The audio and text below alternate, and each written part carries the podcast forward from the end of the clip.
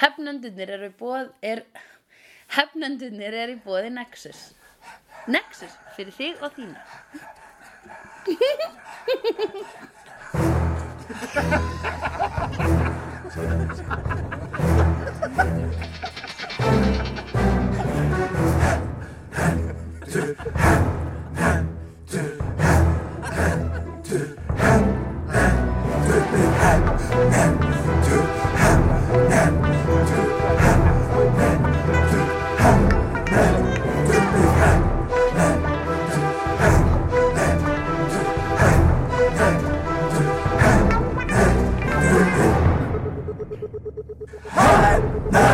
Jensen Joe.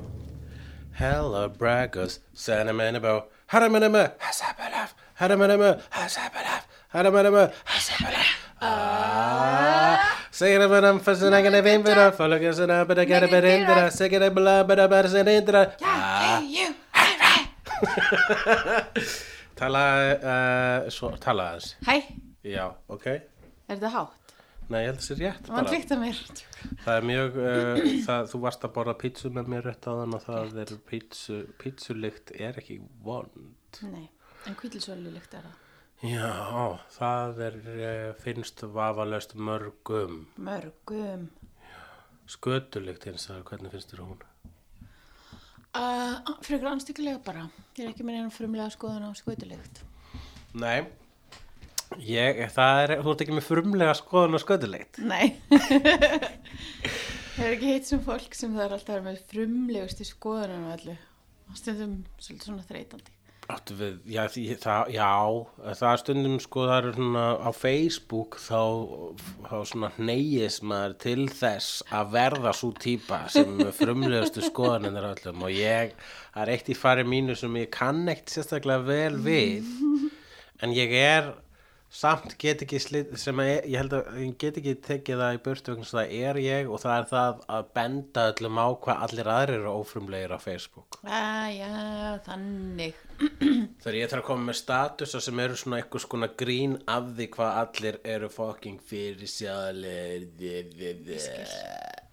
Ja, each to his own. Þannig til þegar það er hérna brúnekja kannski brúnekja dagur eða snjódagur eða eitthvað nýtt nexli sko, sem að- Kúkavatn dagur. kúkavartagur þá hérna þá held ég kjafti og segi ekkert um það því annars myndi status minn vera bara við uh, leið mér að gíska annar kúkastatus eitthvað svona. Slum meðvitaður um það að það er svona eitthvað eitt umræðefnu sem er að sameina þjóðina þessa dagana. En ég meina, líf þitt og ferill byggist á því að vera ekki dæmigerður. Þannig að ég skil, skil þetta svo sem alveg. Já. Þetta er eins og í Buffy. Já, þegar að vampirurnar halda sig neðanjarðar á Halloween.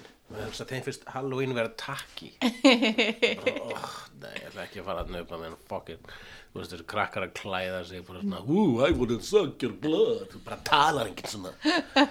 Ég hugsa alltaf svona þegar að opna nýr veitingastæður. já, Það er bara, ég er ekki að fara ákvað fyrir nættu mánuð í fyrsta lagi. það er líka bara praktíst sko, eða eð, þú veist þegar kemur svona hlutum svo Costco og þannig Já, að fara ánga bara þegar að uh, fólk er hætta að nexlast á byðuröðunum á Facebook. Já, þá er, það bendir líklega til þess að byðröðunar er ekki lengur og þá kemst maður sko. Allir hann búinir að mása og blása. en það verður líka allir svona nexlaðir sko að verða allir svona nexlaðir að Bauhaus og McDonalds og svona þegar eitthvað svona opnar og kemur byðröð og bara svona Jesus er það þetta? Ég, í dag skammast ég mín fyrir að vera Ég Ísland veit það, og sem er svo ógeðslega hrókafullt að því að þetta er yfirleitt unglingar eða eitthvað broke ass lið sem bara eitthvað, yes, ég get gett mér þvóttavél og allir bara eitthvað fucking loserar í byðröð Nú ætla sterkar skor, ég meina þið eru ekki fólkið og fólki er enga veginn fyrir ykkur á meðan það er í byðröð, þetta bitnar enga veginn á ykkur sko. Og kemur ekkert illa út fyrir Ísland vegna þess að flestir vita ekki að Ísland er til. það er rétt, sem betur ver Ég var alveg til í að Nei, ég var ekki til neitt Ég ætlaði að fara að segja eitthvað skrítið biodóm, grín Kottu með það? Þú myndir vera fastur í bæjadómi með uh, Stephen Baldwin og Pauly Shore. The lesser of the Ég hef Baldwins aldrei séð þá mynd. Ég hef alltaf langað til þess að Ég veit ekki hvort ég hef séð hana Ég er með falska minningu um að hafa séð hana en ég get ekki sagt þér neitt sem gerist ég myndi bara rugglega við Simpsons movie Þeir áttu að vera, þeir voru bara svona, áttu að vera svona uh, Beavis and Butthead, uh, Bill og Ted típur sko, Já. sem er fastir í bæjadómi uh, len vel og lengi voru allir tíman dude, dude, rétt. Ég er að pæla sko kannski eldist Póli Sjór geðveikt vel, kannski var hann undan sinni samtíð og núna sé hann æðislegur. Ég ætla að skrifa það með Kanns- Tjekka á Póli Sjór Hann var með myndir eins og Son in Law Vast eftir hérna Bobcat Goldthwait. Núna Já, já, kallinum akkurat. Já Ég eitthvað þoldan ekki þegar ég var barn. Nei. Ég hata þann Já, ég man eftir að þú hataðir hann. Skemma Police Academy En svo bara eins og með Ólífur Já, áttar á Grín Ólífa lífsmýns Hann uh, Þetta var var geðveikt frumlega skoðun by the way. Ég vil bara taka það fram ef enginn að Bobcat Goldthwait var grín Ólifa lífsþíns Já. Það var mjög frumleg skoðun. Frumlega skoðun mm, Takk, Hann er góður grínisti virkilega. Ég hef hlust á uppistand með honum Eitt hérna upp og þar er ein lína sem var svona uh, uh, This guy came up to me and says I don't mean to offend you but you look like Bobcat Goldthwait. Mm. og sem er um, titillin á einmitt því uppistandi hans. Þetta er hans undarlegasta uh, svona ábending sem hann hefur fengið. Ég ætla ekki að Heyrðu, mér langar ekki til að móðga þig. En þú lítur svolítið út þessu loga hjálmtís. Og þetta hljómar sig eitthvað sem vini mömmu myndi segja. Hefur eitthvað tímann eitthvað sagt við þig? Þú lítur út þessu loga og ekki vita að þú var í loga Aldrei nokkur tíman Nei, þú ert alveg svona alveg smáfræg. Já, einhverjum kræðsum Vinum fóreldra minna Það hefur eitthvað bent mér á að ég líti út þessu Hulíku Dagsson að eitthvað tímann þegar ég var á aldur fyrir söður En var það ekki hulli? Hvað? Var það ekki Hulí? að feika Ég veit það ekki vegna sem ég feikaði að ég var ekki Hulíku Dagsson og sagði eitthvað svona já takk ég nota og byrjaði eitthvað svona að bulla ég nota hugleik sem fyrirmynd hann hefur svona tísku fyrirmynd Wow. og eitthvað svona hann bara já nákvæm sko honum stökk ekki bros þannig að hann var sko þannig ég byrjaði sko á því að vera að djóka við hann ég held að hann var að djóka við mig. Svo meðan ég var að djóka við hann þá byrjaði mig að gruna að hann var ekki að djóka við mig þannig að ég er alltaf að byrja að ljúga að honum. Og það var eiginlega ekki á neinu tímapunktu þess að einhvern veginn sagt djók, ég er hann vegna þess að undir á öllum tímapunktum mm. þá hefði ég komið út þessu algjör drulli. En jú, sko, ég hef nefnilega tekið eftir stundum þegar fólk að því að ef maður á vini sem eru svona, svona stöð tvö frægir og þá kemur oft fólk upp að þeim í alls konar aðstæðum eins og brúðkaupum og svona og kemur bara með einhverja óumbeðna gaggríni veist, til þess að hafa frumlega skoðun og líka því að vera eitthvað vandræðilegir í návist viðkomandi sagði tónleikum um daginn og það var nú alveg ekki þitt besta sjó já, sko, já, það er rosa skrít maður bara eitthvað, hvað dick move það er enginn að byggja um skoðun og þetta er eitthvað svona óreikistengt uh, Jó, ég í því og, tól ekki, ok, þetta er bara mjög slæmi dagur. Já, þess vegna er ég að röflega þessu. Ég, já, ég er ég, ég er í geðveikt góðu stuði já, er það ekki? Jú. Jú. Jú. Herðu, þá er komið að já, leifréttingar uh, síðast uh, uh, já, Lefréttingar. síðast þá uh, sagði held ég Ævar að kaftinnin var að deyta dóttur Agent Carter í, uh, ka- í hérna, Captain America Civil War vegna þess að hann var sko að deyta Agent Carter í Captain America 1 og við vorum að spá í hvort að það var creepy eða þegar þú sko eldist ekki hvort þessi creepy og þú ert að deyta dóttur einhvers uh, sem þú varst að deyta fyrir öld síðan eða eitthvað já En uh, það var ekki dóttir, það var frænka, bara svo að það sé á hreinu. Ég skil.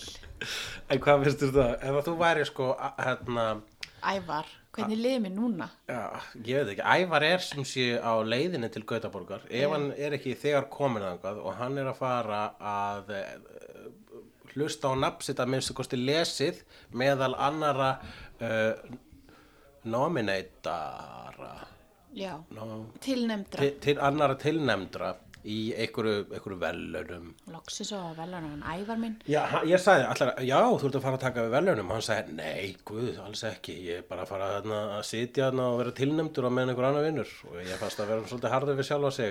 En hann sagði, ég er ekki harður, ég er bara raunsær.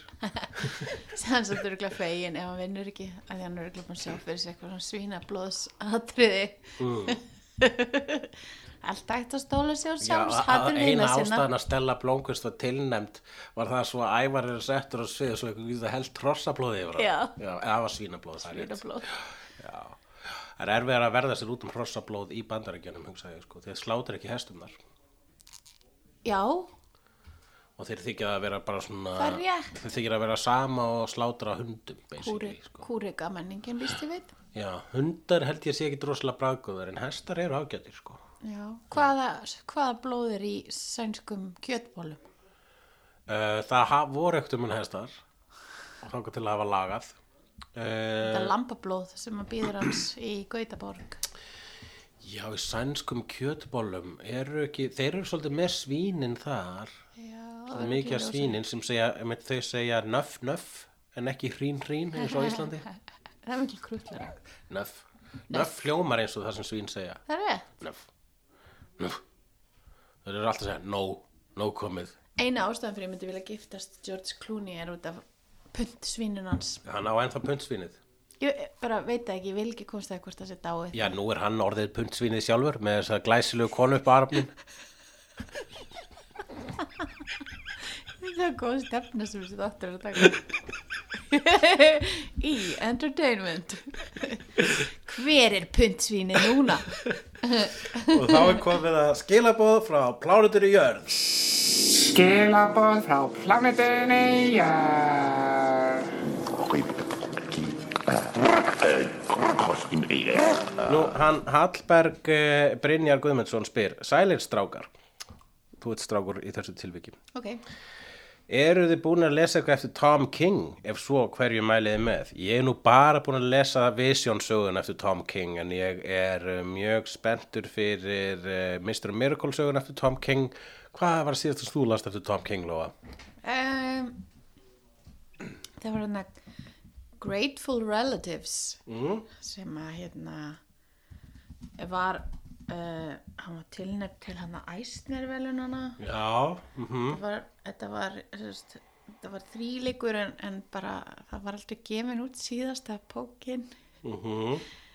um, já þetta er bara svona típist Tom King stöff sko þetta er bara Já, við erum svona að svona gránda uh, svona high concept fantasíu þá. já, Já. emmitt svona segwayin aftur inn í, inn í hverstein og í raunin átti þriðja bókin að vera bara mjög hverstasleg Og, og varður hún það ekki þá? en hún bara var aldrei gerð ok. Uh, þá er, og þá Átni Beck Gunnarsson, hann, hann skilaði inn þessum skilabóðum fyrir síðasta þátt, ég mani ekki hvort þú lásum hann upp átt, ég las hann sko allavega utan upptöku, en ég mani ekki hvort ég las hann innan upptöku, uh, en ef svo þá lesi ég hann bara aftur, en ef ekki þá lesi ég hann í fyrsta skipti. Átni Beck segir, Hitman er með potential til að vera bloody awesome. Serían er sjúklega fyndin og vel skrifuð. Garth Ennis og John McCree eru með svo góðan húmor og það heldur ekki á hverri og það heldur ekki á hverju nótt að einhver æli á Batman þá er hann að vísa í Hitman sögunar sem að hann er að minnast hér á það er verið að tala um að gera ef ég mann rétt annarkvort sjóastætti eða bíómynd eftir Hitman og svo segir átni, bætir átni við mig dreymdi líka í nótt að John McCree kleip Garth Ennis í pungin á punktónleikum What the actual fuck? Það er mjög góður draumur og hefur hugsalega gerst í alvörunu þeir eru báðir írskir starfa gjarnan saman. Mjög góðu draumur. Og þeir myndu örgulega fara á punktónleika Hitman, er þetta eitthvað svona preacher típa? Þetta er alltaf að Garðinni skrifar þetta, hann skrifar þetta fyrir DSC og þetta er uh, hérna, löglegur hluti af DSC heiminum og Hitman er með þessa uh, uh, borgari í Gothamborg. Áhugavert. Hallvarður Jón Guðmundsson segir Ok, hugmynd, ramma fyrir ramma endurgerð af Fight Club þar sem Greg Sestero leikur Edward Norton og Tommy Wiseau leikur Tyler Durden. Uh, ég er búin að sjá þetta á internetinu. Já, þá er Hallvarður greinilega á þínum vinur þinn. Áhugavert. Uh, Guðs vann sjálfsögðu við leikstjórn. Þetta. Hver átti Tommy Wiseau að leika? Hvern? Hann átti að leika Tyler Durden. Þannig að sko, Tom, uh, Greg Sestero, hann myndi vera bara alla tíman, hérna, Edward Norton Já. og kynnist Tommy Wiseau og svo kemur ljósa Tommy Wiseau er all tíman í honum. Einmitt. En Tyler Durden þarf að vera fallegur til þess að gera hann ennþá verri. Já, en í heiminum til mig sem að, í hei, Bara rassin. Já. Tommy Wiseau, bara rassin. bara rassinn.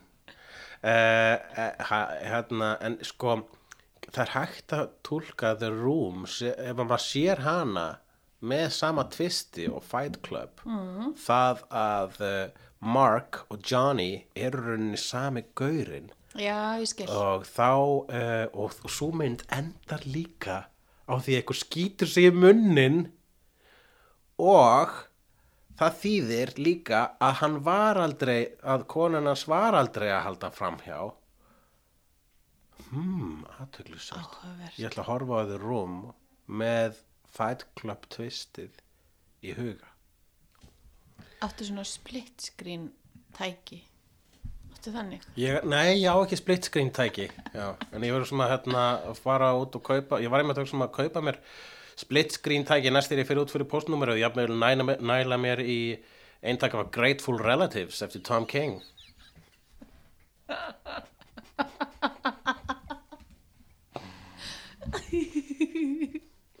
Heru, Hvað er að gerast? Hvað er að gerast? Já, það, ég, eina sem ég, ég, ég var mjög fljótur að googla og var ekkert að googla neinu ráði en eina sem ég er búin að veit að er að gerast er það að það eru komnirinn fyrstu dómar fyrir Black Panther myndina. Já. og, uh, og uh, Twitter síðan Geeks of Color sem að uh, uh, hérna, uh, líklega þá Twitter síðan til sem til heyrir og til einhver nördum sem eru ekki hvítir Þeir Áhugavert. segja Black Panther is the best uh, Marvel Cinematic Universe movie ever. I was blown away from start to finish and I'm not even being biased. This was by far the best Marvel movie to date. Thank you Ryan Coogler sem er leikstjórinn á Black Panther. Black Panther er sem sé ofurhetju myndi Marvel sem gerist í Afríku og fjallar um afríska ofurhetju og er leikstýrð af svörtu manni og allir sem koma að gerð þessari myndar eru svartir og það eru bara tveir hvítir gaurar sem eru ábærandi á einhverju leiti í þessari mynd og það eru sem sé hann Martin Freeman Já. og uh, hann hérna mm, hvað heitir hann sem er Gollum Æ, hann Donald Trump. Nei, hann heitir ekki Donald, Donald Hann heitir eitthvað um D, já, held ég. Bíddu, Ok. Gollum. Lord of Rings hann heitir Andy Serkis, yes, hjúka brr, kom til mín. Andy. Andy Serkis. Andy Serkis og Martin Freeman eru einu uh, hvítu karlarnir í þessari mynd. Einu sinni var ég á netinu og sá plakatið fyrir Black Panther það sem var fullt af uh, uh, blökkum andlitum á plakatinu og svo voru sá eftir það tvö lítur snjókvít andlit sem voru með Andy Serkis og Martin Freeman og þá bent ykkur á The only two white people in this movie are Bilbo and Gollum and I love this En, ok, heldur þú að fólki sem náða fullkomna hérna gizmóröddina mm. hafi l- verið sama fólki og náða að fullkomna gollumröddina? hvað, áttu við, að- hvað fólk náðu áttu við fólki sem er full áttu við hvað ha? Æ, mannst ekki eftir svona baby eftirhermum þegar þú varst lítill sem voru alltaf að segja snjarf? Snarf, snarf Já, og Já. þannig. Just will you stop that snarf, snarf örgulega þú og okkur fleiri. Já, Sem horfði þegar maður lítill og var hérna, já, meinar, þeir sem voru góðir í vinahópnum að herma Eftir eftir, svona já, týpum. Já, já, og hérna, og herma eftir honum hann að hvað hétt hann aftur í, í hímen hann draugurinn hann og Orko. Orko, já, já. heldur að þessi fólki sem hafi verið bara koma út og lortuður rings og er bara Vafalaust, vafalaust, það eru sem að reyna svona að detta í það, sko. Ég, uh, ég man að hann þrándur var rosa góður að herma eftir Tauntaun sem eru sko snjókengururnar í Empire Strikes Back. í bam. Það var alltaf svona. Ég gerðu það aftur, gerðu það aftur. ég elska nefnilega í Stranger Things 2 þegar hann er alltaf að herma eftir hérna, er hann ekki að herma eftir svona Chewbacca Já, Já. Akkurat, og Steve bannar hún það Steve Bannon og það. bannar hún það Steve Bannon um það. Hvað var Steve Bannon um það? Ég læt sem að þessi brandari sé farin úr loftinu. Já, bara Steve Bannon um allt. Herra, ég er, mér þykir vænt um þannig brandara, ég ætla að segja oft þegar ég fæ tækifæri til callbacks. Uh, hérna, já, og uh, svo þess, þeir sem voru að herma þá eftir Gizmo. Já, og Bye, Billy. já, þeir sem, þeir sem hermdist í Gizmo og Chewbacca og væntanlega. Sko, Ég bara pæla hvort þið séu ennþá að. Hva, ég var alltaf líka, á reitt sem ég var þegar ég var lítill, þá var ég alltaf að taka hérna Skeksis úr uh, Dark Crystal. Það er Prophecy. alltaf að reyna að reyna að ná því, sko, ég, Ég gata sé- miklu betur þegar ég var svona ekki með einstu. Já. hmm, þú líka alltaf ekki svona. Já, og svo líka var ég einu svona góður að hérna Jóta en, en uh, rödd mín, uh, kirtlar mínir hafa stækkað og Ég skil, en ok, spurningi mín er þá.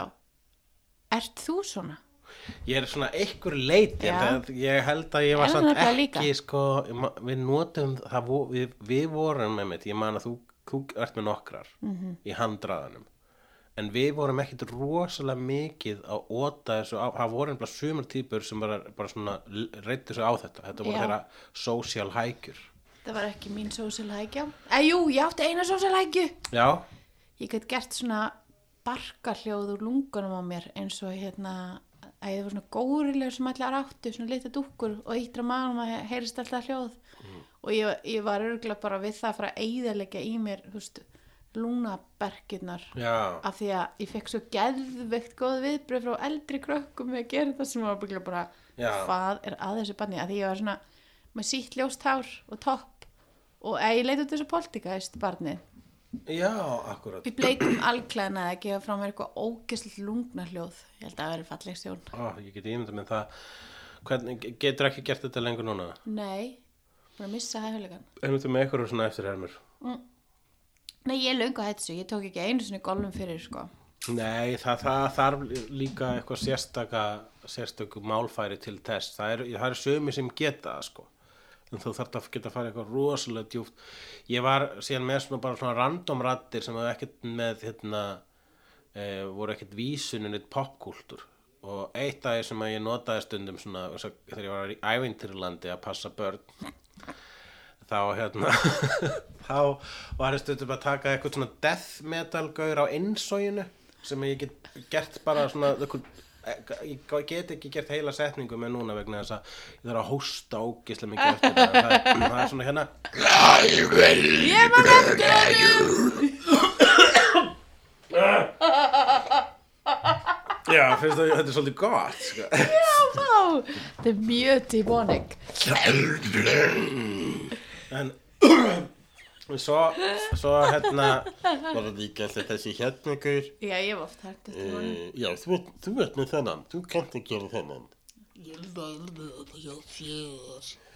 Og þetta er bara spurning með að búið svona loftbólu undir tungunni og sem að ég notaði þessa tækni til þess að láta hérna í Stelpur er hrifnar að þér.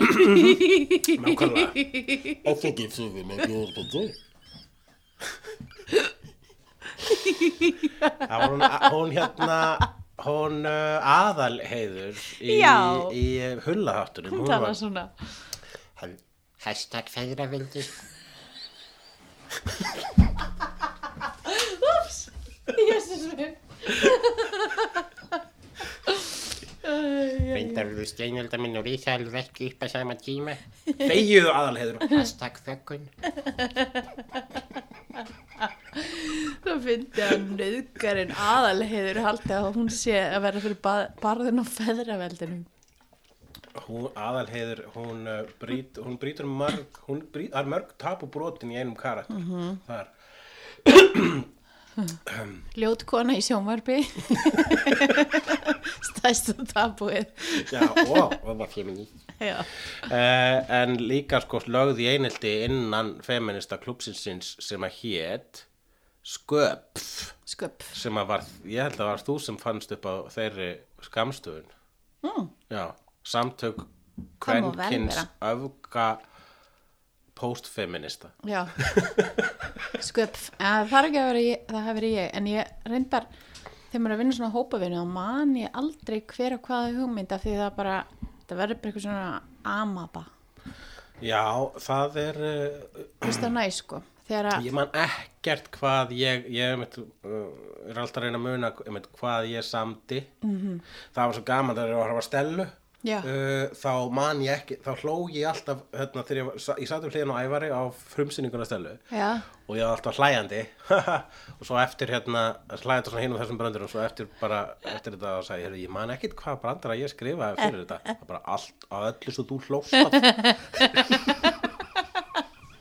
það var ok, gott Já, það er Það- góð, þú ætla sorgleit að hlæja ekki eitt veist Geðu það bara. veitt self-hate í gangi. Ég veist það bara, já, ég held að sé ágætis. Það var, það var gott að vita það. Þannig að þegar ég horfði á restina, sko, þá, eh, þá alltaf fyrir hlóð, þá bara, "Já, hlýt að hafa samið þetta.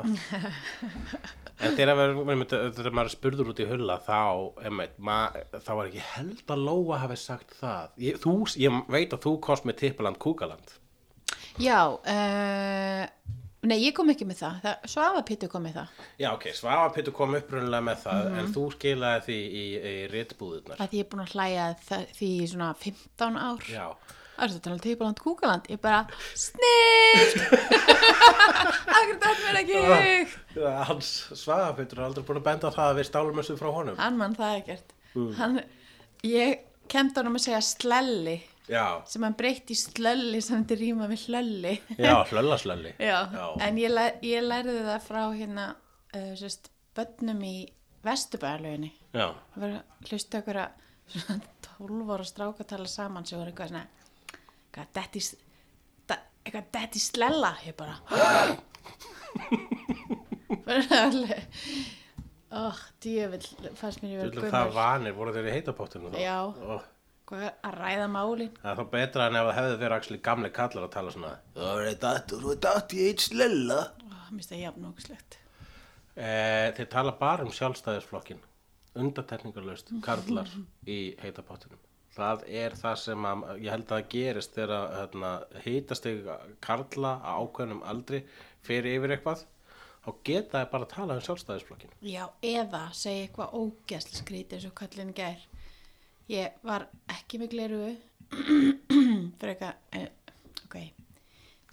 Ég er aldrei með gleru ég á að vera með gleru ég bara er of hégum til þess að geta gengið með gleru því mér finnst ég að mér finnst ég að líta bara út svo aðalheður þegar ég er með gleru Já það, ég er svolítið veik. Ég er örugglega með body dysmorphia. Nafn mitt er ekkra. Já, ég, ég var að ræða þetta með hátnum daginn og hann var eitthvað svona hann var að gera gif úr hinnum fjögur fræknu af því að hann hefur alltaf langið til að sjá þig hlaupa. Og maður síðurnar af þeim. Vá klifti það saman og þá loksins getur þú séð allar hlaupa. Það geðveikt satisfying.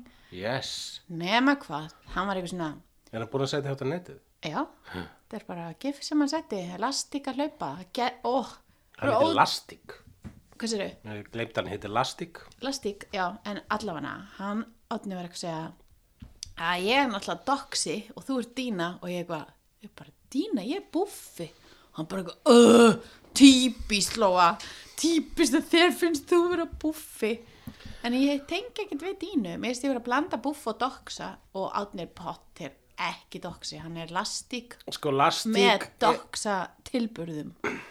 hérna, þau, þú veist, þegar það eru fjö, fjórir í liði, þá er þetta samt oft svona hlutverka skiptinin. Ef við tökum til með strákana í Stranger Things og berum það saman við hinn fjögur fræknu, þá er einn auðljóslega lastík, það er hérna aðal sem er alltaf skot, skotin í Eleven og uh, svo er uh, hérna tannleysi, hann er buffi, Hann er búfi. en Hver er doxi? Doxy Er Eleven Doxy?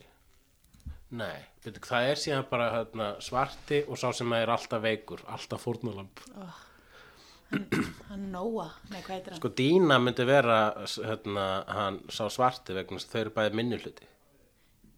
Já, þannig. En Nedín er samt eiginlega stíf. Steve er, Hún er bara áhuga hárun á sér og að vera cool. Hver er Steve fötum. af þessum? Steve er ekki af þeim, ekki Nei, já, já, aðal- ég skil, hann er ekki sæti Steve er hérna sem var kærastinn. eins og vondur Já, og er núna góður. Já. Akkurat. ok, ástæðan fyrir að fórum að tala um þetta er að því vorum að tala um heita pott að tala gamalla manna Mhm. ég ætla að klára það hérna atriði Endilega. að því að ég var ekki með glerugu ég ætla að fara annan ring Mhm. ég ætla að fest í lúpu og hérna uh, og sagði eitthvað svona hæ, við mann og svo var ég eitthvað, ó, og svo hann var lengi að fatta hver ég var að því hann var ekki með glerugu og þá segi ég eitthvað, guð, ég er fegin ég held ég var að fara mannavilt og hann eitthvað svona, haha, svo ætlum við að fara að spjalla satt eitthvað svona weirdo þannig svona hálfur onni í pottinum eitthvað gammal kall eitthvað Nei, betur en að færi kvenna viltu það ekki? Við veit ekki hvað þýttin sinni. Ég bara, what the fuck? Ég eitthvað, ha? Hvernig þá? Og svo hann eitthvað, eh, satt bara hana, ekkert í gangi. Pældi í þessu. Pældi að sita bara í laug og segja eitthvað svona astnalegt og það er ekki eins og fyndið eða eitthvað point í því. Hvað því er að fara að kvenna vilt? Er, er hann að tala um nöðganir? Já, það ef þú ég í hug. þá vittlausur konu. Já er, veist, er hann að tala um eitthvað káfa eða það var eina sem komst fyrir hausnum að mér var bara eitthvað káf farið kvinni vilt fyrir ég fór hérna nei, hann áttu ekki að tala þess jú, alveg Já. aðalhefur getur alveg Ég fór hérna með manna vilt. Hashtag hvernig vilt. Er betur við hvernig viltu það ekki? astni, þetta er astni og ég veit þú hlustu ekki á podcast ég hef bara sagt þetta Ugh, bara keep it to yourself í heldur að alvörunni sko krakkarnir í fjö- fjögur frækna hafa verið er þetta þeirra nöfn sem hafa voru sko skýrð Lastík Mhm. Hvað því, það, ég veit ekki hvað því en það fer hann rosalega vel, það er líka frumlegt nafn. Mhm. og svo heitir svo heitir það Doxy sem að er eins og uh, þá hafi verið ákveðið hvern, hvernig típa hann yrði. Jeps. hann færi í einhvers konar prófessorsnám. Og svo er það Buffi já, Það getur ekki verið að hann heiti Buffi. Ég held að hann hljóti að vera eitthvað skona eineltisbarn innan hópsins og þau byrja að kalla hann Buffi. Hann er eins og Gary eða Carrie eða Larry í, hérna, í Parks and Rec. Rex, já Rex, tjók hérna, já, hann er þannig en á frönsku þá Mm. segir maður buffon er fíbl Já, já, það. bara þannig fíbl vegna þess að Já. hann er að geta. en hann er að klippa út í það á frönsku það var ógeðslega glata Hvað? Akkur? Ég, vil- ég vil bara ekkert að fólk vita að ég veitir svona hluti Já, þess að fólk myndi dæma þig fyrir það. já, Að þú veist hvað fíbl er á frönd. það er tilgerðalegt það er viðbjöðslega tilgerðalegt ok, ákvað, buffon ákvað ertu að glápa? Á hvað ertu að glápa? Ég var að glápa á eitthvað sem heitir The Marvelous Miss Maisel og er á Já. Amazon Prime en hvar annars staðar fyrir hitt fólkið? Ég- á torrent síðum marvelous. The Marvelous Miss Maisel sem að eh, ég hafði heyrt fólk mæla með og með að leit út fyrir að vera að já, þetta er greinilega svona, já, þetta, hvað hljómar það eins og fyrir þér? The Marvelous, Miss Ma Marvelous Mrs. Maisel uh, Maisel. Hvernig er skrifað? The Marvelous. Já, nei, þú veist, Maisel. M-A-I-S-E-L Maisel það hljómar eins og hún sé að leysa eitthvað Já, eins og segja að leysa mál. Já. nákvæmlega sem ég hugsaði. Ég hugsaði jafnvel um svona gamla konu sem eru að leysa mál. já, ég hugsaði um það Þetta er ung kona sem er í eh, hérna er í útistöfu mannin sinn er, uh, rauninni stendur í mið- miðin skilnaði en dettur í uppistand á sama tíma nema þetta gerist árið 1950 og eitthvað. En og skemmtilega. á allavega þetta gerist á sama tíma og Lenny Bruce var sko uppistandskongurinn og það var alltaf verið að handtaka hann fyrir að segja dónaleg orð á sviði þetta var þegar það var bannað að vera dónalegur en hann opnaði þær dyr. En það, það, það tók hann það kostaði hann lífið hans til ágætismynd um hann. Uh, uh, og ég, var, það var slúið gæmtilega Lenny Bruce er karakter í þessum þáttum. Já. og uh, hérna og, og þess, ég var að horfa á þætti ég var, var komin í tvo þætti og var bara djöðlega þetta skemmtilegt að tala, mér finnst þess að ég er búin að vera að horfa á þess að þætti alltaf. Þá sé ég í lokin á öðrum þætti written and directed by Amy Sherman Palladino og það er svo sama og sjórænaði þetta er sjórænaði og skapað af konunin sem gerir Gilmore Girls við bara, Ég skal segja ykkur það. Gilmore Girls í gamla daga um grín ógeðslega gott stöf ég mæli eindriði með þessu hann ævar sem mælti með þessu við mig og uh, ég hugsa að ég geti bindjað þetta í drasl Guð hjálpi mér. Ég bara er... Mm, ég er hætt að torrenda. Ekki út af því sem eins og good morals. Það er bara fyrir latt fólk það er Netflix þægilega. já, ég er svo gladur að, að það er núna hægt að fá uh, Amazon Prime á hérna Apple TV Já, heyrðu. Átni með Amazon Prime account! ég hef búin að lofa manninu með þarna frammi að ég mætti ekki að skrýma ekki en þetta var mikið account. uh, Úhú! Hehehehe. svo var ég líka að horfa eitthvað sem ég veit að þú ert búin að vera að horfa á Já, ég benti þér á það- Teen Titans Go Skemmtilegt. mjög Ógislega skemmtilegt. Ég er búin að vera að horfa á þetta með dóttur kærustu minnar og, og þannig bondum við yfir þessu. Já, ég Og á segi- Já, já. Ég segir svona frá sögu karakterina ef ég þekki þá, þetta er allt DC karakterar. Og það er drullu skemmtilegt.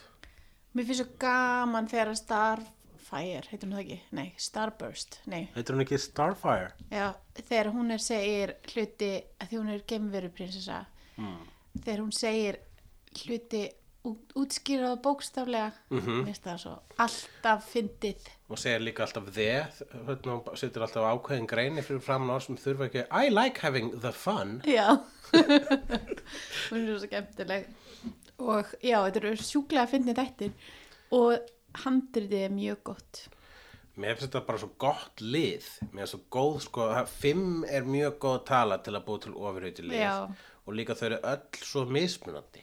Það finnst mér svo skemmtilegt. Og svo sem er líka ógeðislega lirfu gæludýri en að Starfire er geggjað. Ég er alltaf að reyna átt að með hvað það er. Það virðist verið eitthvað svona rækja. Já. Hún er svo sæt sérstaklega fyrir óræmi en já, ég sko Raven er minn karakter Já, af því að hún er mm, líkust mér sem úlingi mhm. Og ég hefði viljað vera með demonic powers þegar úlingur Akkurat. Það eru mjög margir sem heldur tengja við Raven sko. hún er svona cynical en horfir samt að My Little Pony. Já.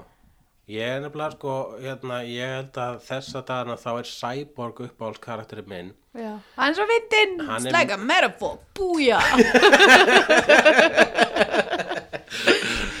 þetta er bara fyrsta setningin sem ég bara tók eftir hann sagði þetta er í fyrsta þættinum eða eitthvað. Ég var bara, ég elska þess að þætti það, er sko, það sem ég finnst um líka, það sem ástæðan er fílan er það að það var hérna nýlega Justice League kvikmyndin og þá var Cyborg uh, einn af stóru karakterunum og þar var Cyborg ósla svona emo og alltaf svona þunglindur yfir því að hann var orðin hálf vél og meðan sko þessi Cyborg, hann finnst bara frábært að geta að rista brauð með öxlunum sínum sko, hann finnst æðislegt. Já, My pop fixed me up with his badass technology.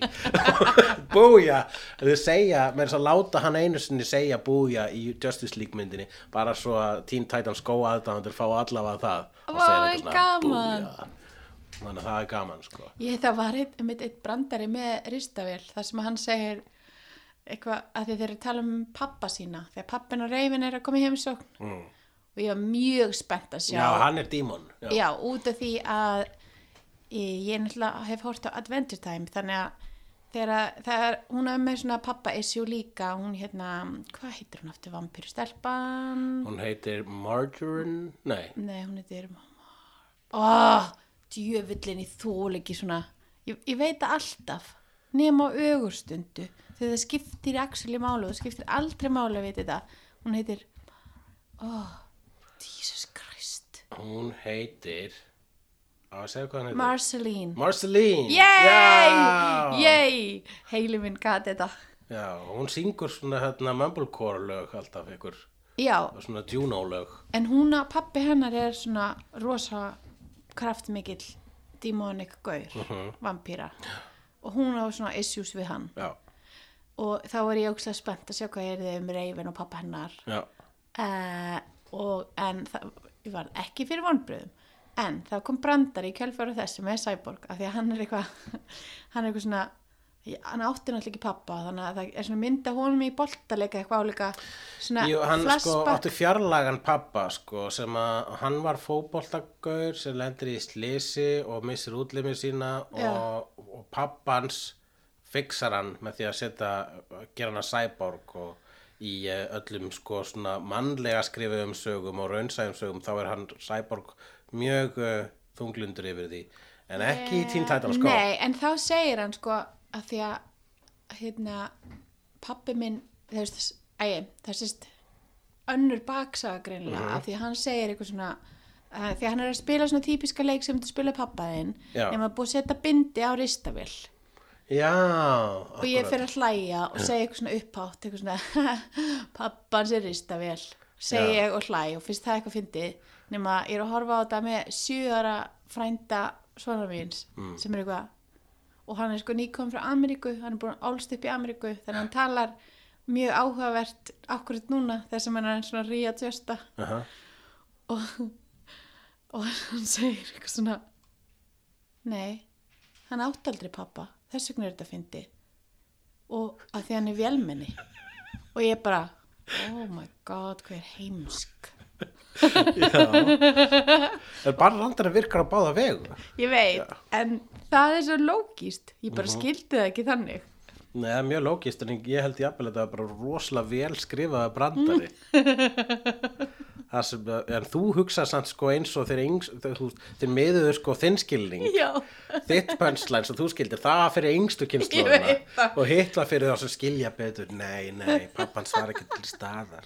Já, ég var eitthvað he he, að ég bara ég náði ekki brandara fyrir utan ég er alltaf að spila tölvuleik þegar ég er að horfa þegar ég er ekki með alla ok, ég bara afsaka mig, það að vera heimskari stjör okkur ekki, en Já. það er samt ástæð það er til sjóastættir sem að bara uh, ganga át á það að láta fólk líta út heimskar en sjóra krakkar og það heitir, ertu heimskar en sjóra krakki Þú skarpari en skóla krakki þá komið að ákvært að lesa Nei, herra byrju, ég glemdi ekki að segja þér hvað ég er að horfa á í alvörunni Nú, ok, horfðu á, og segðu mér hvað varst að Ok. horfa á í alvörinni. Það er eitt part documentary series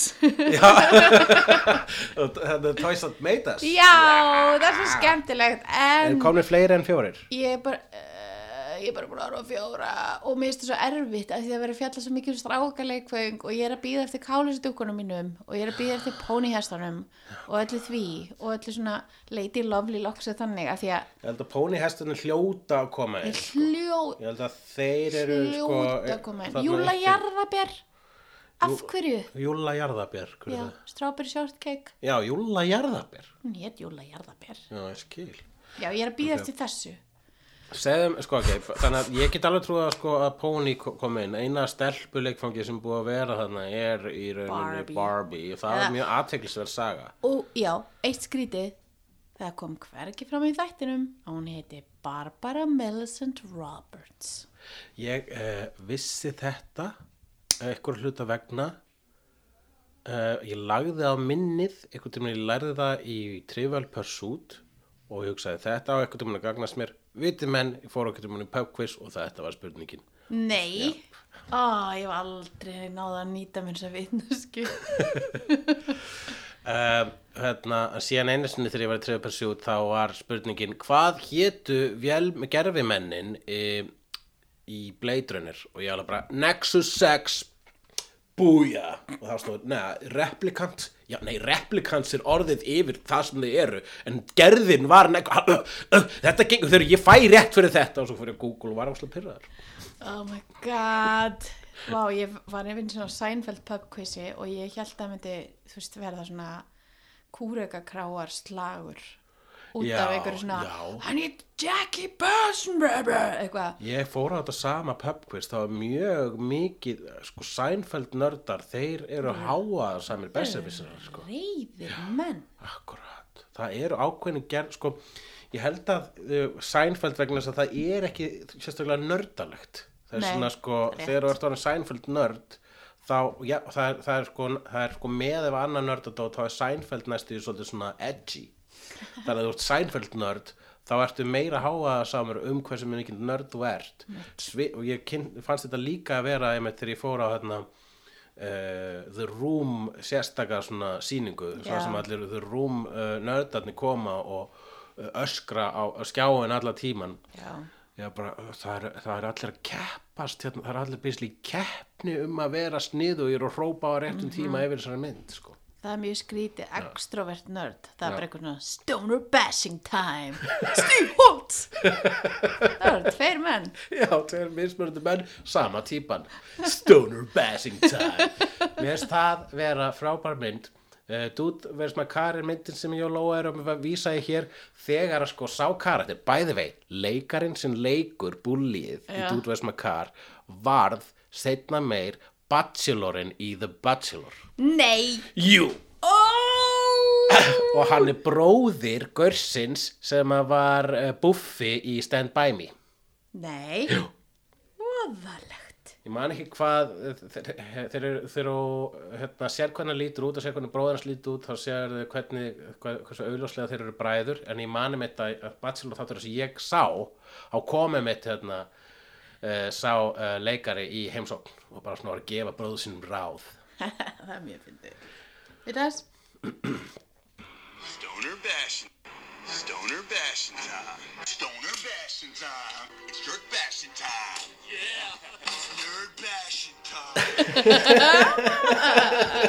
Þetta er svo gott Mér finnst sko best líka einhvern tíma einmitt þá segir hann stoner bashing time og svo í næsta atrið þegar við sjáum hann þá er hann dænar með vinu sínum og er að segja við þá and then I said stoner bashing time og, er og þá er sömu vinnar sem voru að hanga með hann þegar hann sagði það upprunlega hann er að endur segja þeim söguna sem þeir voru vitni að.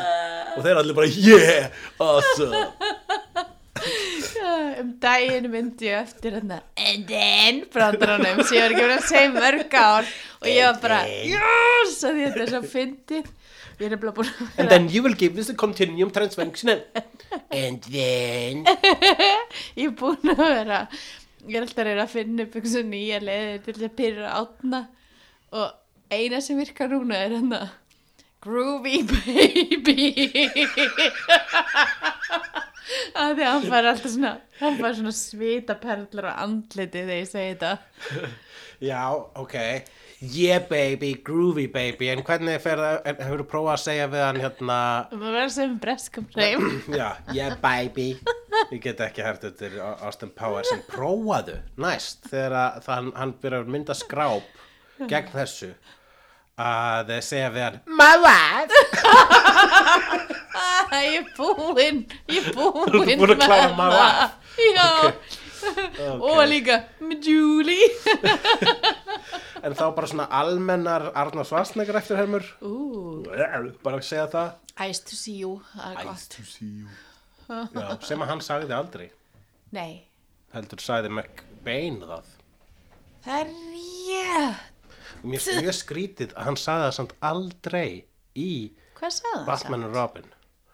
Hann sagði svona 700 aðra ístengda pönnu. Jésús, ég vissi þetta aftur en ég bara heilin að vera overrættur alltaf að ég, Það er þegar ég, auðvitað að munum ekki bein mitt go to Mr. Freeze quote er Eyes to see you sem hann sagði mitt aldrei. Hafnarlegt. hann frægastur fyrir uh, sko, vinsælasta línin hans úr þeirri mynd er You're not sending me to the cooler sem er ekkit sérstaklega góð setning en ég held að sé að fólki elska hana vegna þess að hann getur ekki sagt cooler eins og, eins og kom fram í kvikmyndir Predator sem, og hans frægasta setninga er svona Get to the chopper! Eh, sem að ég náði honum engan veginn akkurat þarna. Þegar ég hermi eftir Arnold Schwarzenegger þá get, ef ég næði í smástund þá dettur það síðan strax í svona eins og ég sé að hermi eftir Dana. Já, ég skil. Já, það er nefnilega stutt að milli dansks og þýsks reims kannski bara svona Holsvík Slesstein hana Slesvík Holstein Sveðin, djók, ok, ég ætla þetta Hvað ertu að segja? ekkert. Slesvig-Holstein? Þetta er svona Slesvík Holstein reymur að því það er landsveið sem er mitt að milli Danmerkur og Þýskaland. Ég ætla að hætta að segja þetta. Já, flott. Akkur er skammast þín fyrir sko hérna vittnesku sem er actually impressive eins og það að kunna frönsku frönsk orð og kunna landafræði. að þið eru breyðaldi og lamin fyrir svona hluti. Upp í breyðaldi hei. Já, hei heili þegar þú ert á lögfræðingur að ég giftast þér actual quote. Og svo sá ég hann að í bónus. Já, og ég hilsaði ekki. Akkurat. En heilsa hann þér. Þú varst bara svona þögur. eins og ég var að fara að segja hæ og hann fyrir aftan mér rauðinni ég var bara Þú bara settir á því hettuna og sveifst áfram eins og Raven í Teen. Titans. nema ég var í miðaldra konu kápinu minni En eigum við að fara í ákvært að lesa? já, Ákvörðuleysa. Þú varst að lesa eitthvað. ég var að lesa eitthvað Já, My Favorite Thing is Monsters sem Yes. bók sem ég var að kaupa. já, Mæluru með henni? mæli með henni Já, ha, og hvað er hún um í örfáum orðum? ok hún er um uh, tí típist, hún er um svona semi-átkast stelpu. Já, og hún er teiknuð eins og hún sér sig.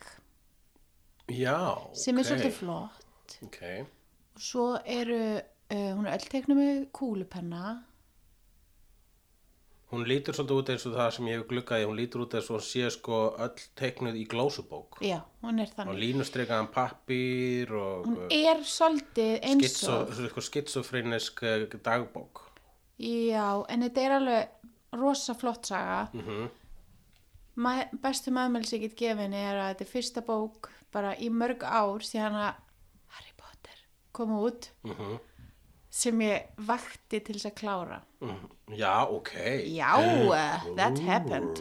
Og það er að koma önnur á þessu ári og það hjálpaði mér til dæmis sko ég vissi ekki að það væri túparter skilur Ok, þetta er fyrir hlutin. já. Og svo komst ég að því þegar ég fór að googla þetta og Emil sem skrifaði þessa bók er 55 ára kona og þetta er fyrsta bókin hennar. What? Jeppa En hefur hann aldrei skrifað venjulega fullorðsbók með stöfum áður?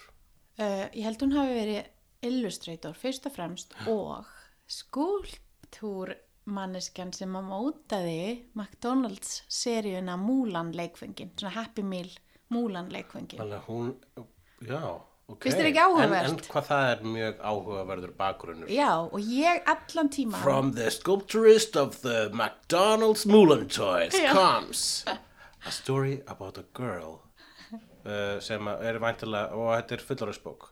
Já, Þetta er svona um alvöru, alvöru vandamál og svona. Já, og mér leiði alveg illa og vel og táraðist og alls konar, en ég ætla ekki að segja neitt um innihaldið, en hún er ógeðslega flott teiknuð og bara beautiful og það er rosa skrítið að lesa þessa bók og halda að kall hafi skrifað hana. Það er rosa skrítið, Já. en m- m- sko, Ég held að Karl hafði skrifað þetta og mér þótti það skrítið vegna þess að svona á yfirborðinu þá hef, hefur hún öll, mörg af þeim einkennum sem maður sér frá uh, uh, kvenkins myndasögu höfundum þar að segja að vera með svona introvert saga um feimni og eitthvað. hvað áttu við? Já, eins og allar sögur sem eru svona indie sögur eftir konur, þá er eitthvað svona þá er um svona nördastelpur sem að loka sig inni og lesa á eitthvað. Já. basically um þær sem að skrifa þær.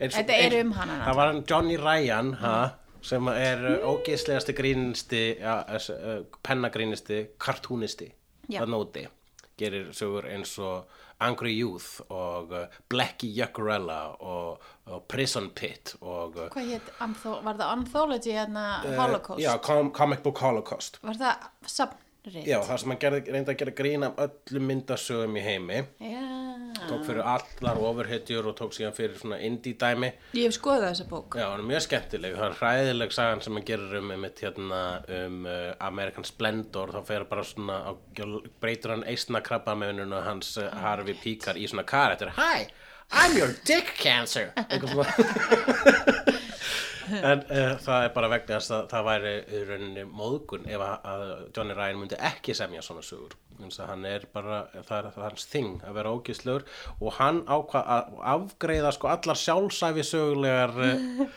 uh, hérna, allar sjálfsæfi sögulegar myndasögur í, ein, í einu, hann tók alltaf eina síðu fyrir hverja myndasögur sem gerir grín af. Já. og svo einn síðan þá bara, ok, allar sjálfsæfi sögulegar myndas, indie myndasögur. Og svo gaur hérna, hæ, ég er myndasögu höfundur og ég er líka runga mér. Er ég ekki hugrakkur að skrifa um hvað ég er alltaf að runga mér? Ég er að runga mér út um allt, ég er klámfíkil en ég er líka myndasögu höfundur er ég ekki hreinskilin, svo var síðastur að minn fyrir hérna fyrir hvern eh, eh, hvern indi mynda, sjálf, sjálf, sjálfsögu sögulegar indi myndasögur skiptu út rung fyrir túr sem fast alveg drullu fyndið vegna þess að það eru líka þannig margar hverjar, ég er á túr hæ, ég er að segja sögu, það. ég er alltaf á túr Æ, ég er á túr.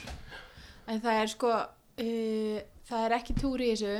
nei, Það er, það er búið að skrifa allt sem hægt þetta að skrifa er ekki um hana, skilur þetta, en hún er byggð á henni sem Akkúrat. karakter. En síðan er alveg svona heil saga um aðra konu og inn á milli er ógislega flottar kápur sem við erum búin að teikna um, upp úr svona horrormynda já, sem bara svona það er svona á við og dreif um þessa bók. En ég held hann hafa verið að gera grína að, aðalega honum hvað heit hann, Charles Brown eða Charlie Brown.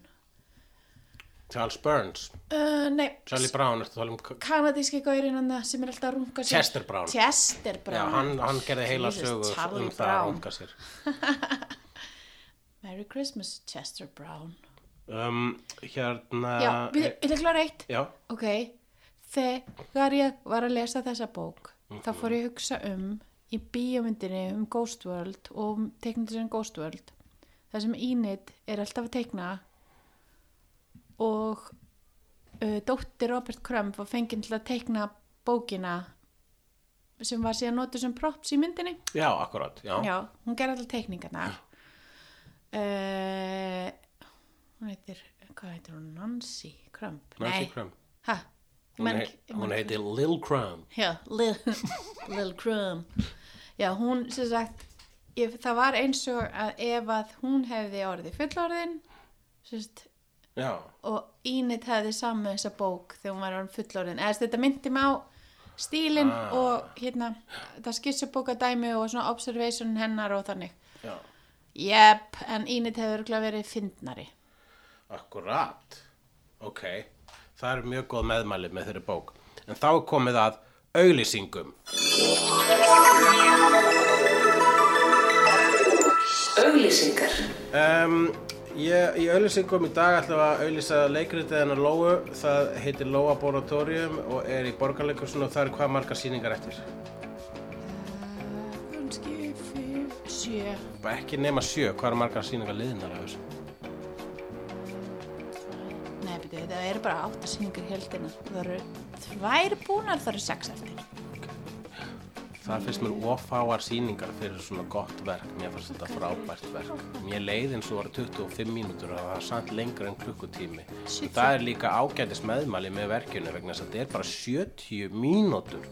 Ha, þannig að þau eru ekki að fara að festast í einhverju þryggja tíma svona ádeilu á hrunið eitthvað svo les og það, það er ekki hlið heldur. Það er ekki eins og hlið Uh, ég hérna uh, var alveg gífulega ánægð með þetta verk vegna þess að það mér leið eins og að, og mér finnst það ætti að vera að gera sjóastættir byggðu á þessu verki vegna þess að mér fannst þetta að vera svona fyrstu tveir þættirnir í sitcomi sem ég ætlaði að fylgjast með fannst þetta vera líka karakterinir, allir vera karakterar sem var svona einhvern veginn þörf á í íslenskum grínskrifum sko, vegna þess að það er oftast ráðist á svo hérna, augljós um, skotmörk þegar kemur að eh, svona tí- típugríni. En ég var mjög var við það að þarna voru sko uh, ekki, þarna voru personur sem að, margir könnuðust við en uh, hefur ekkert verið almennilega gert grín af nema bara einmitt í lofaboratóri og myndasögunum þínum?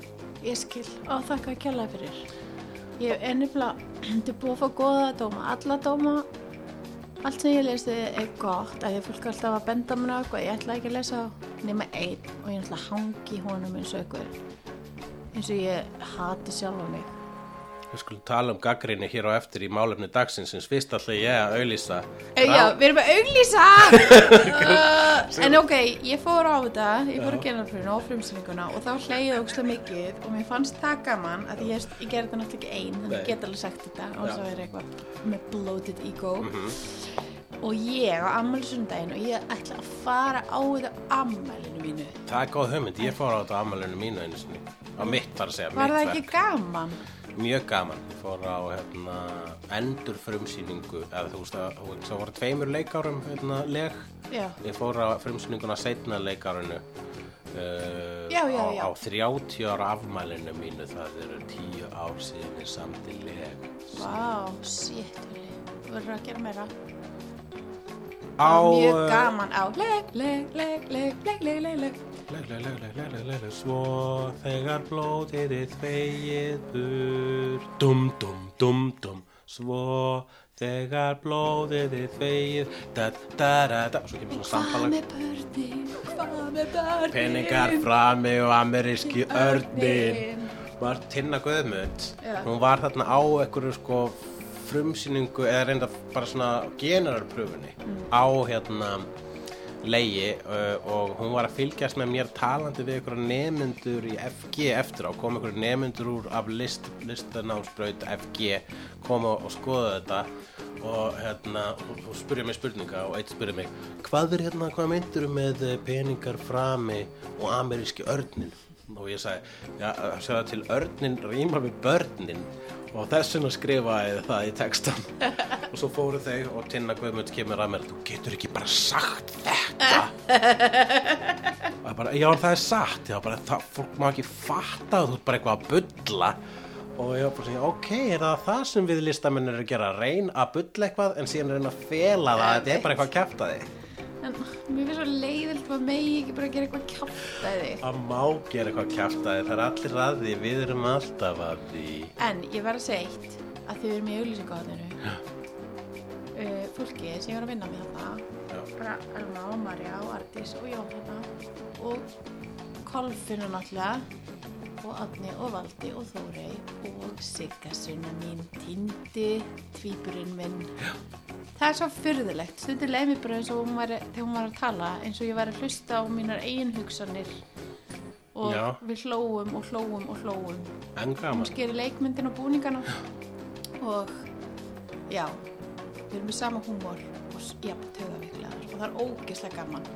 Mhm. Það er bara svo gaman þegar maður hittir fólk þegar maður er eftir þrítugt og maður hittir fólk sem maður er eitthvað og finnst það svo skemmtilegt. Það er ógeðslega að finna að lenda slíku fólki já, það er alveg rétt það er það var svo skemmtilegt að gera þetta og það, var, og það eru svo fyndnar þessar leikonur og Kolfina er hún er náttúrulega bara eitthvað hún er náttúrulega bara eitthvað séni hún er bara eitthvað séni, ég skil þetta ekki. Já.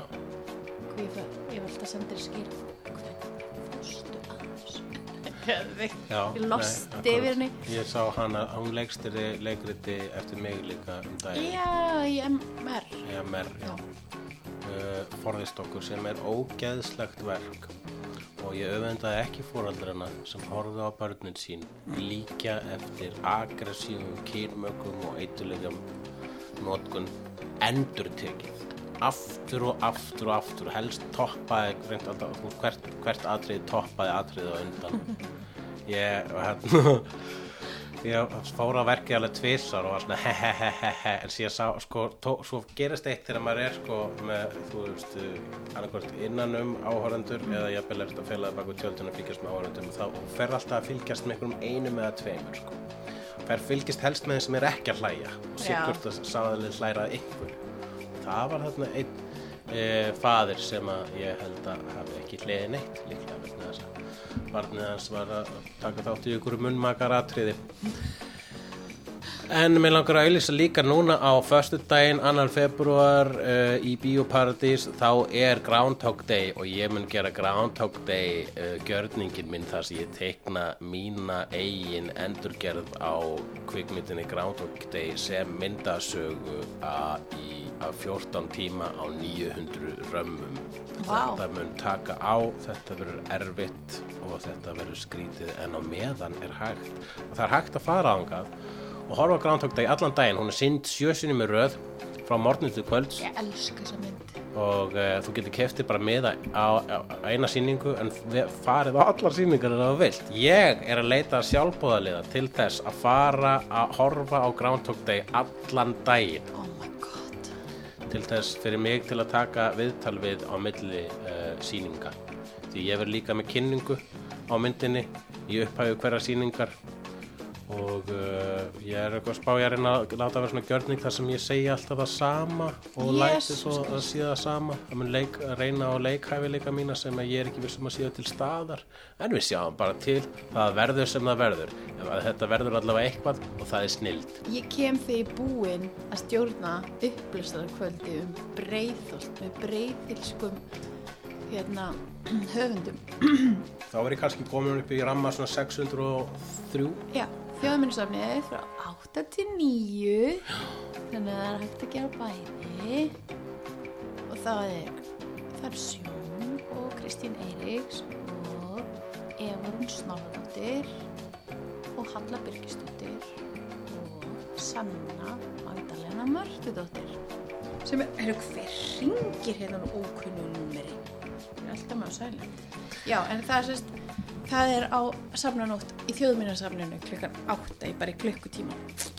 Skilðing þá eru auðlýsingar búnar. Já, það eru geggjað og nú er komið að málefni dagsins.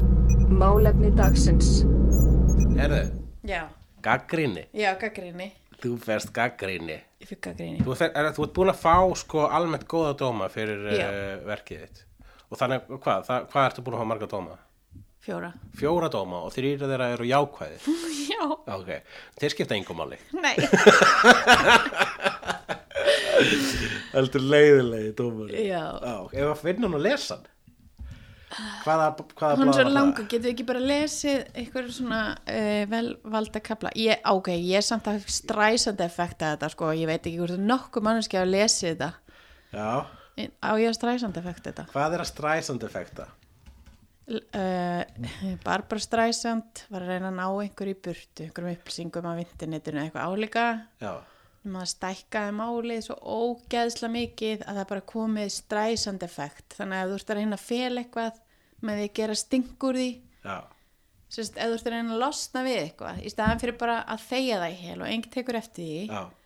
þá byrðu til risastór mál úr stræsand effekta Já, lestu um það, mjög fyndi mál. Já, Ég ég, ég, held að ég hef aldrei heyrt þetta uh, þetta hugtak yfir það en ég, ég var ekki svo í mun allavega en ég hef hins var ég er með svolítið þessa filosófíu haustum sko, ef að er eitthvað uh, ef að eitthvað fær slæma dóma frá mér þá vek ég ekki aðtikla á því. En ég hef mitt séð stundum Íslandinga gera þetta Mhm. að segja bara, jæja, þessi er nú ekki að skilja bíómyndina mína. Og, svo bara svona, og er síðan bara sko obsessa á því að live basically í Facebook og það.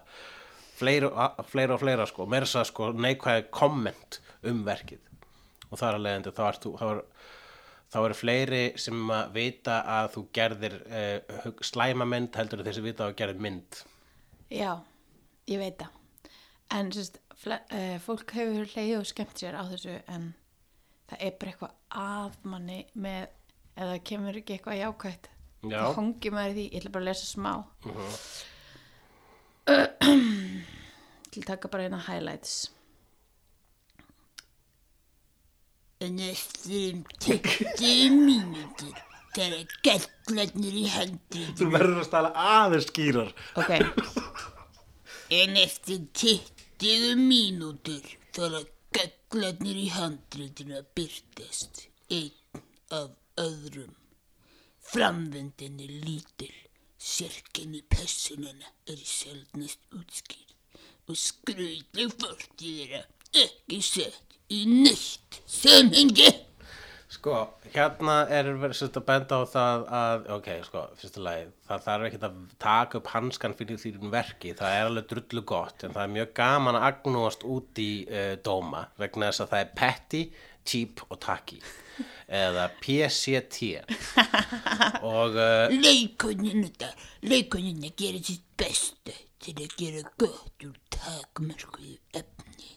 Þetta er, það er verið að gera, sko, það sem að vera, mér fannst það raun allt sem hún taldi þarna upp þarna í fyrra, fyrri eftirhermunuðinni, mm. vera satt, en það allt vera gott, að það er aldrei útskýrt hvers, þú veist, Það er svo boring, maður vill ekkert vita það. Það þarf, ég, maður þarf ekkert að vita hversuna ykkur er uh, göllu manneskja vegna þess að það er heldur ekki takt að útskýra hvað það er. Er ekki ekki- með ykkur, það er ekki eitthvað eitt, ein traumatisering sem breytir þér gallaða manneskju. Sem manneskjur eru gallaðar bara vegna þess að það eru manneskjur og uh, þannig verða líka aðteglisverðar oft. Já, og maður geti átt bestu fóreldri í heimi og verið mesta dykk í heimi. Ég séð það gerast. Ok, ég lesa eitt upp og sorry hætt. Ok, Dapurlegt er að geta ekki mælt með sýningu eins og lögabaratorium. Húsi stendur á veikum grunni og umgjörðin heldur ekki. Niðurstaða, nokkur spauðileg atriði duga ekki til að skapa heila sýningu. Já, Já. Uh, ég er búin að vera að glíma þetta í höfðina mér í þú dag. erum búin að glíma þetta í höfðinu. Ok. En síðan sko góðu dómarnir eru basically búin að segja, uh, Ég man ekkert hvað stóð þar. nei, Það er örugglega bara eitthvað eitthvað próflaust fólk sem veit ekkert um hvað er að tala. Herru, jæja, ok. Hvernig líður núna þegar þú ert búin að venta, gera þessa eftirhermu í mikrofón á, í þætti sem að fer á netið bara rétt bara Ok, býttu, ég ætla bara að segja eitt. Ég þekki engan, þetta er mjög biturt. Ég ætla að tala smá biturt núna. Mhm. Allt er góð. Ég mun jafna mig á morgun. Eh, nei, það er þriði dagur, ég ætla að panta um pítsu. Ég ætla að jafna mig á eftir með meiri pítsu, bóra pítsu það. Ok. Ok. Uh, ég þekki engan sem hefur farið út í listgreinar af því að þau eru með harðan skráp og þó líka greinu vel. Engan. Yfirleitt er fólk að fara Já. af því það er viðkvæmt og veit ekki hvernig það á að fungera í heiminum af því að heimurinn er viðbjörn. Já, nákvæmlega, ég hef heyrt grínista, mitt fræðan grínista segja þetta bara, hva, ef þú ert sár yfir gaggrinni þá bara þýðir að þú sett hugsalega mjög góða listamaður vegna þess að það, góði listamenn eru viðkvæmir og út viðkvæmir það bara þýðir að þér sé ekki sama. Já, ok. Ok, þá erum við með eitt element hérna. Viðkvæm manneskja fyrir listir. Ok, er, er vel borgað að vera listamæður? Nei. Hvað fikk mikið borgað fyrir að vinna þessa vinnu? Ég fikk þryggja mánuða verktakalaun sem eru samt undir tekjum vina minna með góð störf Mm, alveg störf. og þetta tók ár. Þannig að ég vann launalaust í nýju mánuði. Akkúrat. Ok, um, þú þarft að sækja um launin þín og sannfæra fólkum að þú meir vinna við það sem þú ert að gera. Já, Og stundu segja þau nei Já. og þá ertu bara on your own. Og svo þegar þú ert loksins, kannski búin að fá laun í þrjá mánuði fyrir eins ás vinnu og búin að svitna yfir þessu og efast um sjálfa þig og hata þig ógeðsla mikið og vera blankur þá kemur einhver gaggrínandi uh sem fæ borga fyrir að sitja og segja þér hvað þú ert asnalegur já. Hvernig er þetta réttlátt? Hvernig ósköpunum Það er- gengur þetta fucking upp? Það er náttúrulega ekki réttlátt en ég meina að það var Oh my gaggrinnindur, ef gaggrinnindur hefði verið staðnum allan tíman og haldið í höndið þá var hann ekki beint góð veist, bara, nei en veist, hvað er tilgangurinn með gaggrínandum í alvörinu hili þeir eru jafn tilgangslausir og þeir eru mikilvægir, myndi ég að segja. Uh, ég, en þeir eru alltaf ósamála og þannig að þetta er bara smekksatriði. vissulega, en uh, til dæmis, ég, hérna, þegar það er eitthvað mynd til dæmis sem ég byrja að hlakka, er- hlakka til að sjá, þá, þá, þá koma dómarnir inn snemma og ég bara, ó, hjú, hún er með góða dóma, almennt góða dóma. Og þetta er sko, það er meðaltali sem skiptir svo meira máli heldur en individual gaggrinni. Hvað það varar. Og það er bara svona, það er bara fyrir mig til þess að þú veist, uh, geta stilt vonið mína þegar ég fer á Nexus f- f- forsýningu. En uh, svo hef ég náttúrulega verið gaggrínandi sjálfur, ég forðaðast að gaggrína eitthvað íslenskt vegna þess að ég nefndi bara ekki að, uh, að einhver íslenski listamenn eru fúlir út í mig.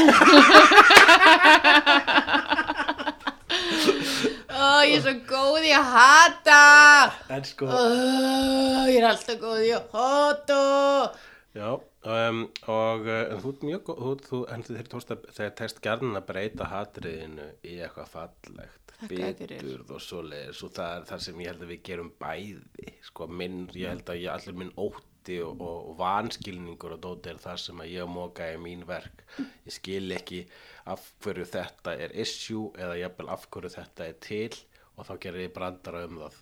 Ok, en uh, já, og, og brandararnir þínir spretta bara að því að þú ert viðkvæm manneskja í viðbjörslu heimi Já, algjörlega. En það er enginn að gaggrína þig fyrir að vera viðkvæm.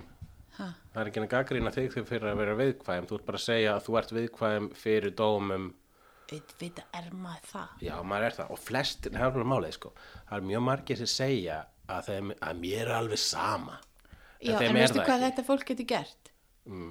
Það getur orðrétt kvótað fólk frá þú veist, 1999 Já, sem það. sagði eitthvað Já, ég get það líka. Ég er ennþá með dóma frá Páli Baldvinni um einu bókinu mína bara í hausnum á Ég er, já, ég er með, er með JBK, JBK Ransu dóm fyrir fucking sýningu og ég hef alltaf bara eitthvað, þessi maður. En ég tala við hann, hann er finn Nei. gaur og ég, þetta er, að því maður er alltaf fleiri en ein manneski einu. Já, ég er ekkert eitthvað eðlileg út í gegn nei, nákvæmlega. ég er eðlileg já. og styrluð á sama tíma Þú getur allavega verið fegin að það sé er verið að gaggrína þig. Þannig að náttúrulega gerist ennþá frekar í leikuritum heldur um bókum en ég held að bækurnar mínur hafa ekki verið gaggríntar árum saman nei, það er bara vegna þess að þetta er alltaf saman bókin. að segja hvað er gert ok, svona er rútínan fyrsta verk meiri hluti gott sagt Mhm, annað verk, meiri hluti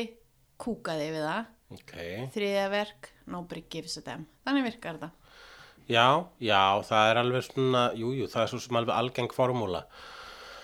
En það er, uh, sko, ég, ég man, sko, síðast þegar ég svona einhvern veginn lét eitthvað svona á mig fá var þegar ég var til, þegar við vorum tilnefnd til eddunar. segi bara ég Já, ok. Þegar þú varst tilnefnd til Nei, ég þú- ég skapaði þetta alveg, ég ég ekki að segja, segðu bara ég um að þú myndir segja bara ég Já, mitt ég. Já, Ok, ekki, ekki mitt ég. Já, ok, mitt hægri. Um, þegar ég já, og strumparnir mínir Já. voru, ég og hjálpar álfarnir mínir, já, einn strimpa eitt ég, strimpan. Uh, já, na, já, nei, annars var, var uh, í, í skrifhóknum. já, það var eitt, sorry fokk ég held að vera að tala um eitt Það er búið, að það er, er búið að tilnæmdu til eddunar í ára. það veit ég ekki, I don't give a fuck þetta er ljóti fælunargripur Já, hann er svolítið ljótur. En uh, sem að Ilmur saði eins og Kristjáns þú tók við velunum bara, hm, þetta er ljót. ég finnst það mjög fyndið. mér finnst það hljómið svo Sverri Stormskirhuli getur þú klift þetta allt út Uh, nei, vegna þess það að er svo sko, ógislegt að vera bitur og segja það upphátt oi, bara stað þú ert basically búinn samt að setja mannlega stimpil á allt randið fram að þessu með því sem þú ert að segja akkurat núna. Væri Og fólk myndi sjá hvernig þú ert að gretta þig, þú ert að reyna að toga að þeirra andlitað á skömm. Ég, ég hef þetta að taka sóbril á henni kom hingað. Sóbril er uh, kvíða meðal. Það er svona dísepam, næsari. Já, ok. Selta. Ég Vill bara- ykkur kaupa sóbril á mér? Ég skal tjekka það, sko. Skipta, viltu prófa hérna konserta? Ég er enda bara með eitthvað svona það- samheitalif núna. er það eins og amfetamin? Já, Nei, það er svona vægt, vægt amfetamin. Það er, ekki, það er nefnilega ekki nógu mikið eins og amfetamin til þess að fólk neina að kaupa á svarta markaðin. Sko. Já, ég skil. Næ, takk. Ok, damn it. Já, uh, og Dóphotnið. Nei, þegar ég, við vorum til þarna og uh, þá vann hérna Ástríður 2. Já, Já, og ná málega það að ég hef nú eh, aldrei verið sérstaklega tapsár þegar svona löguðu kemur vegna þess að ég bý mig bara undir að bara uh, tapa og er þarna vegna þess að það eru snittur já, ég tapsár í Olsen Olsen. Mhm, Já, ég veit það, það er mjög gaman að spila við þig Nei. og uh, en, en síðan sko sagði Sigur við mig bara, við vinnum þetta sko já, það er bókað þetta er að fara að vinna og ég bara, nú, er þetta að fara að vinna? Já, Sigurjón, sko, tjekkur væntingastjórnun.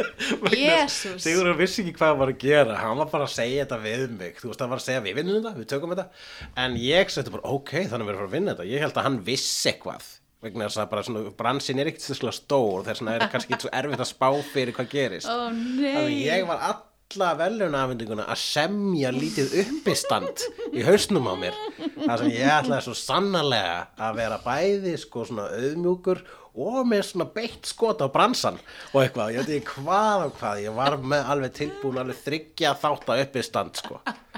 Var, að, var byrjað að sko leira þetta málvillur fyrirfram sko. Jésús minn svo vinnum við ekki og ég bara þetta uppistand mun aldrei vera flutt. Og ég varð svo tapsár að ég sko gat ekki annað en bara svona reynda bara að fagna því hvað ég var hann tapsár og ég var bara hérna, fall, fór ekki til felu með það. Þannig að allir sem voru bara að segja bara, já þú hefði nú átt að vinna. Ég bara, já ég veit. Ég hefði átt að vinna, ég var besta þáttir ég meina, come on.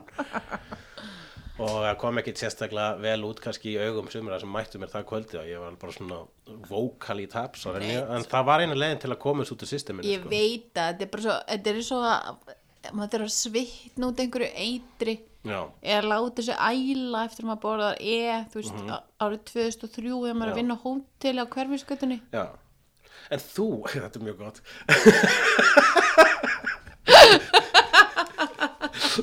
Að þú fest sko, er, er hingað til fengið uh, fjóra dóma og 75% af þessu dómu er góði þannig að þú það. þrjá góða og eitt slæman sem er eiginlega óska stað til að vera í Ég veit að ég- er bara ekki þitt gerð verk fyrir er svona ekki allra. Ha.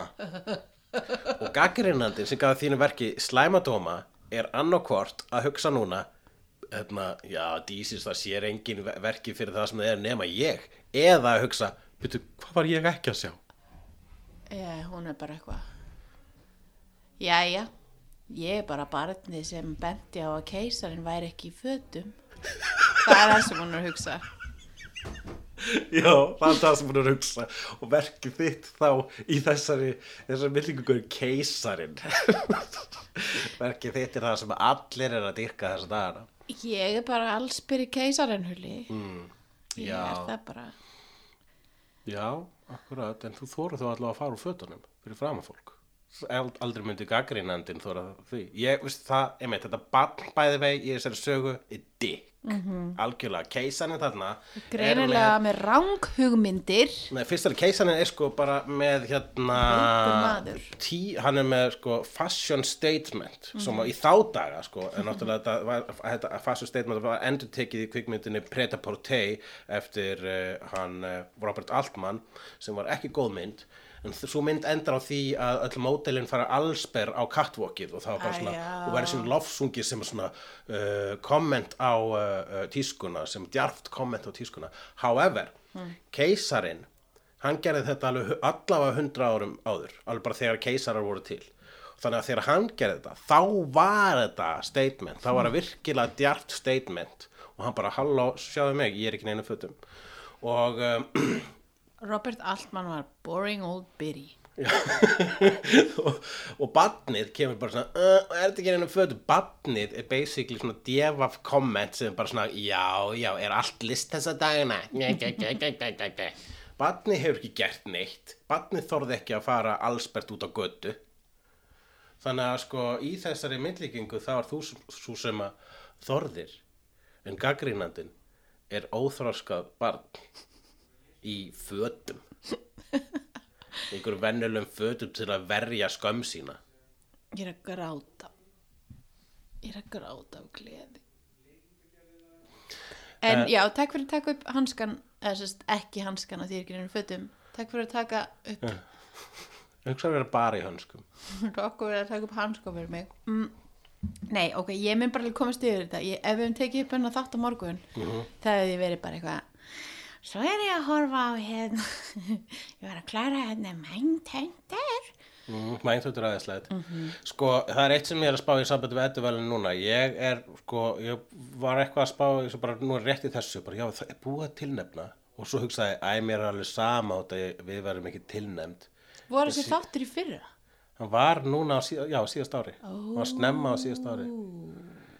En síðan er fyrir að hugsa verði ég fúll ef við verðum ekki tilnæmd ég veit að við vinnum ekki Akkur er þetta að segja mér þetta? Ég var ekki að hugsa út í þetta, mér fannst þess að hann gert fyrir tveimur árum. Já, þá getur líka, þú veist, þegar við vinnum þetta ekki, þá getur crippling. þá getur látið þetta taka við af, þú veist, hérna, því sem þú veist að finna núna. Ég ætla að hætti listum. Vill ykkur ráða mig í vinnu þess að ég geti farið í sundu meðan dag og dottið út og Þú ert nú almennt talin hæfileikarík uh, uh, listakona. ekki þurft að mæta einhver staðar. Þú, allt sem þú gerir, það hefur bara svona mest megnis fengið góða dóma. Ég held, þú sett, ég held að ég og þú séum svona svipuðum stað, hvað það var það. Svona lang flest er gott og svo af og til eitthvað svona, að þetta er ekki uh." Og bara þannig á það að vera. Ef allir myndu fíla eitthvað sem við verðum að gera, þá væri, við, þá væri það væri aðvörunamerki. Ég er því rosalega viðvörunamerki fyrir ekki. Ég ætla ekki að leira þetta Ó, þig. Takk að kærlega Fyrir ekki, ég varð að gera þetta. Viðvörunamerki. Ég er svo ómerkileg manneskja. Mm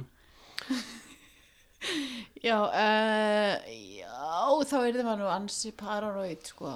Ég veit það ekki, þú veist, ef að, hvað, það, það er, það er gott að verða fúll yfir slæmri gaggrinni á sjálfur sér. Og það er, það er alveg vissulega hægt að segja að eh, starf gaggrinandans sé í rauninni gagnlaust, no pun intended, en, uh, en síðan er sko bara, mér finnst það líka bara sko umræða sem að listagagrinni skapar vera nöðsileg og, og, og ég meina og hva- hvað með það þó að einn einn gaggrindi segja eitthvað ljótt um það sem við erum að gera? Hvað á að bannunum það? Á að stíf bannunum það?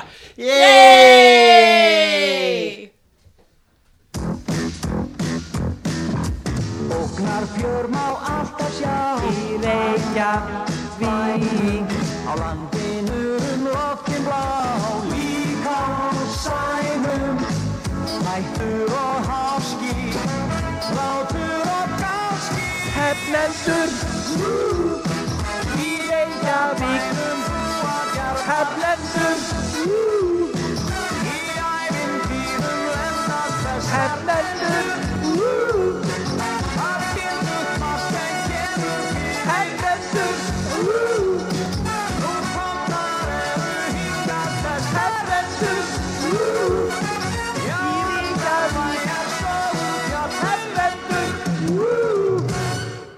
Takk fyrir að hlusta á hlaðvarp kjarnans. Þú getur sótt fleiri þætti um allt milli himins og jarðar á vefnum kjarnin.is.